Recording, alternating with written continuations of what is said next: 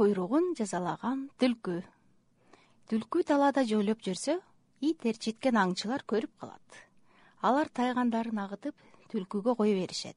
Түлкү буту бутуна тийбей качып отуруп тайгандан кутулбасын билгенден кийин жакын арадагы ийинге кире качат. Ошентип тайгандар оозунан жолдурган бөрүдөй болуп аңкайып сыртта туруп калышат. Ийиндин түп жагына жетип бир аз эс алган соң түлкү көзүм көзүм сен эмнени көрдүң? деп көзүнөн сурайт.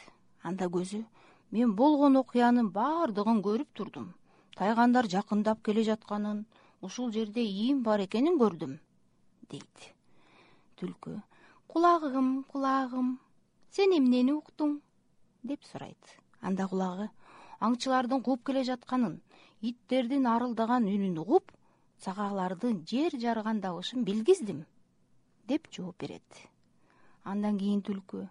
Мурдум мурдум сен эмне кылдың? деп сураса анда мурду мен коңурсуган жаман жыттуу иттердин жакындап калганын сезип сага билгиздим деп жооп берет.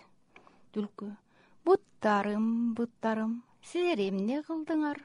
деп сураса буттары биз күчүбүздүн келишинче тез чуркап иттерге жеткирбей сени ушул ийинге алып келдик дешип жапырт жооп беришет алардын жоопторуна машырланган түлкү куйругум куйругум булар мага минтип жардам берди сен эмне кылдың?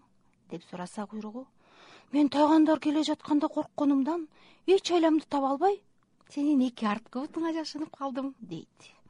Ошондо түлкү ачуусу келип сен менин буттарыма жолтоо кылып тез чуркатпай кармап жаткан турбайсыңбы?